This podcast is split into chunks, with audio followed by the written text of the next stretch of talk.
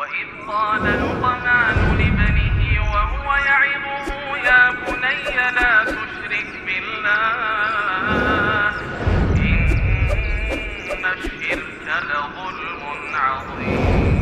وإذ قال لقمان لابنه وهو يعظه يا بني لا تشرك بالله إن الشرك لظلم عظيم.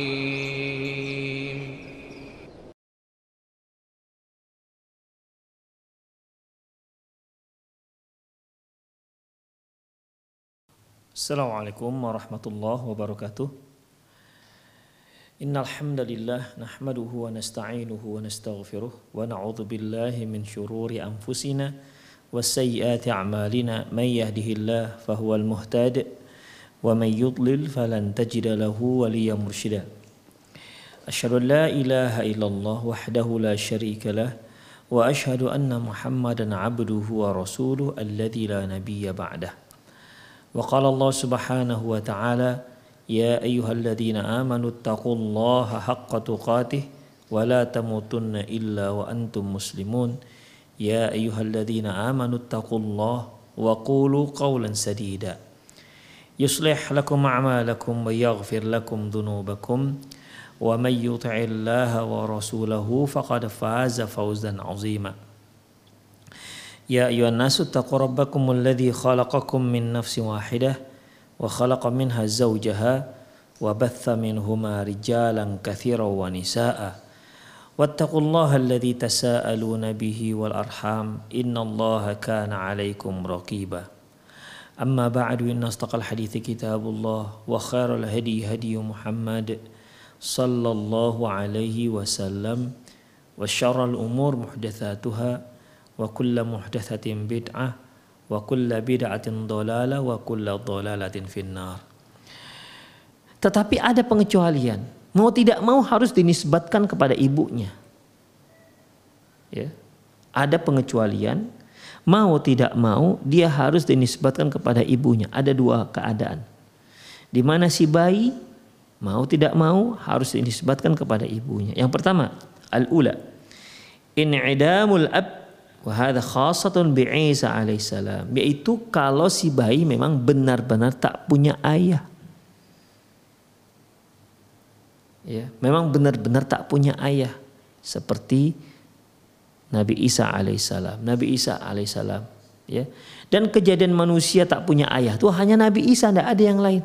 Nggak bisa cewek-cewek sekarang datang dia punya anak, aduh ini ayahnya nggak ada. Ayahnya nggak ada, ayahnya pasti ada itu, ya, tapi ayah nggak sah.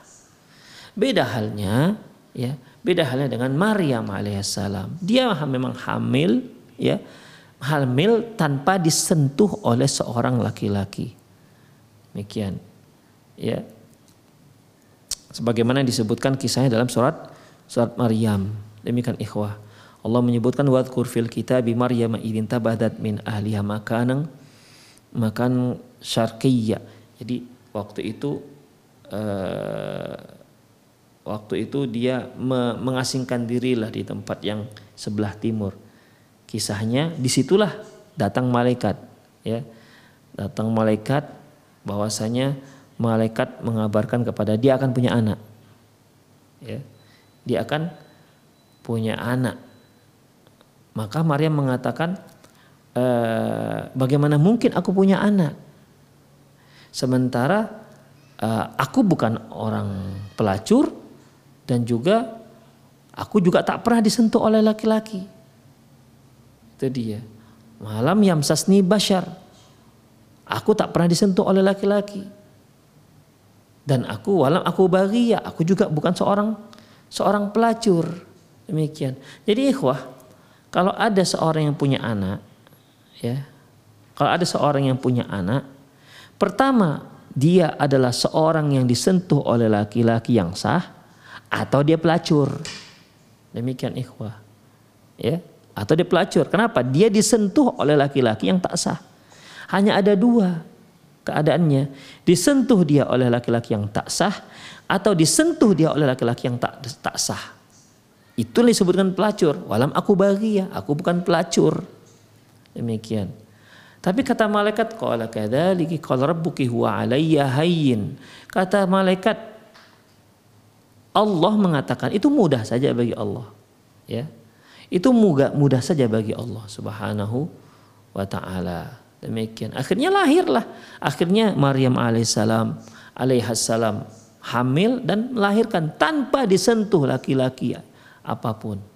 Itu dia. Itu dalam uh, dalam kisah yang disebutkan dalam Al-Quran. Tapi kalau e, kisah versinya orang-orang Nasrani, e, Maryam punya suami, ya Maryam punya suami. Ikhwah rahimanallahu ikum. Jadi di sini ya khusus untuk Nabi Isa. Dia Isa ibnu Maryam. Karena dia memang betul benar tidak punya anak. Itu merupakan mukjizat dari Allah Subhanahu wa taala. Yang menunjukkan bahwasanya Allah itu kalau mau jadi jadi. Tinggal katakan kun fayakun. Demikian ikhwah. Jadi hanya Isa ibnu Maryam. Fayuqalu Isa ibnu Maryam. Maka dia dikatakan Isa bin Maryam. Maryam ibunya. Karena memang dia tak punya ayah. Wahalu Kondisi yang kedua. Idan tafar rojulu min waladihi bil mula'anati. Ya, apabila seorang laki-laki itu apa namanya menolak. Menolak si anak. Menolak si anak. Bahwasanya dia bukan anakku katanya. Ya. Bil mula'anati dengan cara melaknat. Begini ikhwah. Suami istri. Ya.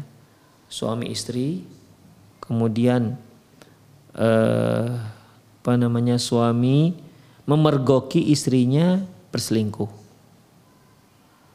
berzina lah kita katakan. Kemudian si suami ini mengangkat masalah ini ke hakim. Permasalahannya si suami ini kalau dia menuduh istrinya berzina, dia harus datang membawa empat saksi yang lain. Kalau tidak, nggak cukup hanya tiga, dia akan dihukum cambuk dia akan dihukum cambuk. Tapi kan dia hanya melihat seorang diri. Jadi gimana caranya menyelesaikan masalah ini? Gimana caranya untuk mengangkat masalah ini ke hakim agar si istri dihukum? Maka ikhafiddin turunlah ayat mula'anah namanya. Ya, mula'anah artinya si suami bersumpah di hadapan mahkamah hakim. Dia bersumpah sampai empat kali. Wallahi dia sudah berzina. Sampai empat kali. Yang kelima dia harus mengatakan demi Allah kalau dia sudah berzina. Kalau seandainya dia tidak berzina maka dia akan dilaknat. Si suami akan dilaknat. Nah, itu dia yang kelima. Kemudian kembali kepada istri. Kalau istri nggak menjawab, ya istri diam aja, maka si istri berarti benar dia telah berzina maka dia akan dihukum rajam. Namun kalau si istri juga melakukan hal yang sama, dia bersumpah demi Allah dia saya tidak berzina sampai empat kali. Yang kelima, kalau dia berzina maka dia akan dilaknat oleh Allah. Itu namanya mula'anah, saling melaknat. Ya. Maka kalau ini sudah terjadi, hakim memisahkan antara si si suami dan si si perempuan, si istrinya fasah batal pernikahan ya dibubarkan pernikahannya dibatalkan pernikahannya. Ah anak ya anak yang dikandung oleh si istri ya kalau dia lahir nanti dia tidak bisa dinisbatkan kepada ayahnya mantan suami ibunya. Karena apa? Karena mereka sudah dipisah dengan cara saling melaknat namanya mula'anah. Demikian ikhwah rahimani Allah wa iyyakum. Dengan demikian gimana nih si si anak dinisbatkanlah kepada si ibu. Demikian dinisbatkan kepada si ibu. Jadi urusan mereka gimana nih? Pasti ada lah yang salah. Kalau nggak suami yang salah, pasti istri yang salah. Nanti urusannya di hari akhirat. Nah demikian. Ikhwah rahimani Allah wa iyyakum. Fa inna yunsabu ila ummihi kama fis sahihaini wa ghairihima. Kalau masalah mula anah ini ya mula'anah suami dan istri saling melaknat ini maka dinisbatkan dia kepada ibunya sebagaimana yang disebutkan dalam hadis yang diriwayatkan oleh Bukhari Muslim dan lain-lain. An ibni Umar radhiyallahu anhu dari Abdullah bin Umar radhiyallahu anhu anan anna Nabi sallam anna Nabi sallallahu alaihi wasallam bahwasanya Nabi sallallahu alaihi wasallam la'ana baina rajulin wa imraatihi. Rasulullah sallam uh, uh, melaknatkan saling melaknatkan ya antara seorang laki-laki dan istrinya fantafa min waladiha maka si anak pun tidak dinisbatkan kepada si si suami. Tidak dinisbatkan kepada si laki-laki tersebut karena mereka sudah saling mula anak. Wa farraqa bainahum dan dipisahlah mereka berdua. Udah fasah. Wa alhaqal waladu wa alhaqal walada bil mar'ati dan anak dinisbatkan kepada si si ibu. Demikian ikhwah rahimani Allah wa iyyakum. Wa sayati bayanu dzalika mufassalan insyaallah. Masalah ini akan kita bicarakan secara rinci insyaallah nanti.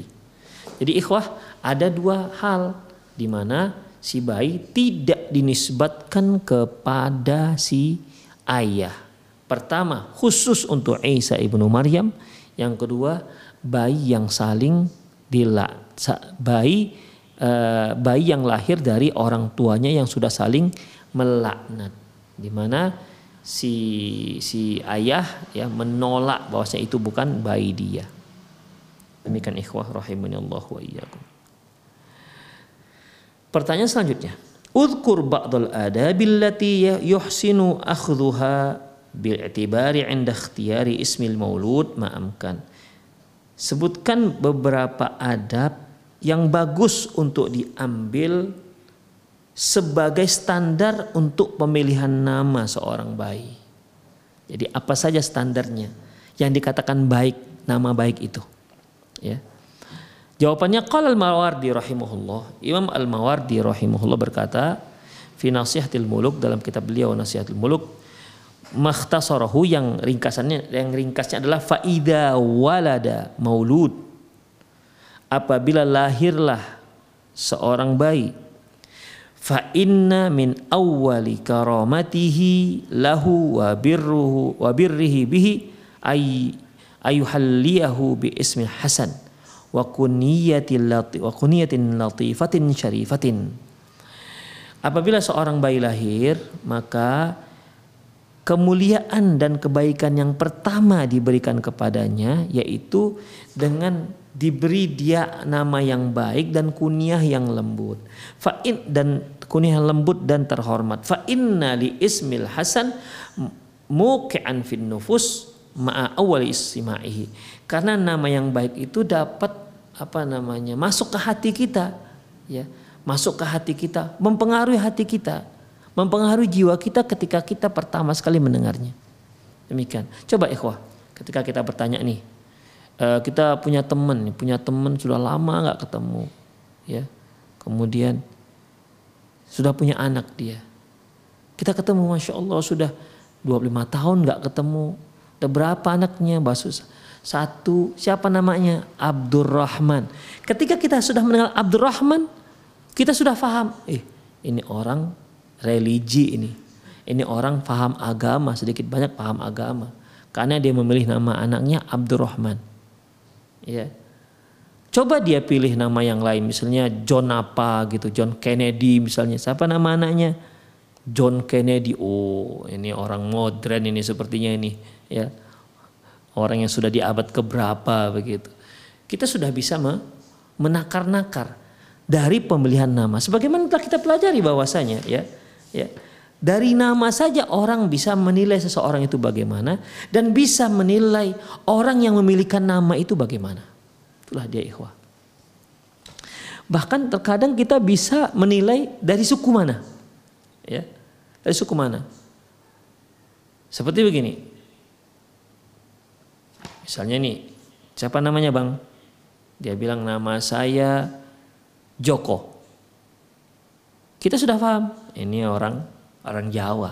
Karena nggak ada orang Minang orang jo, namanya Joko. Gak ada orang Minang, gak ada orang Padang namanya Joko. Orang Aceh lagi mana namanya Joko. Walaupun ya mungkin ada satu-satu, tapi itu asal usulnya dari kata dari suku suku Jawa. Demikian ikhwah. Ya, jadi di sini ya, di sini dari nama kita bisa menilai itulah dia. Ya. Boleh nggak beri nama Joko? Nggak ada masalah nama Joko.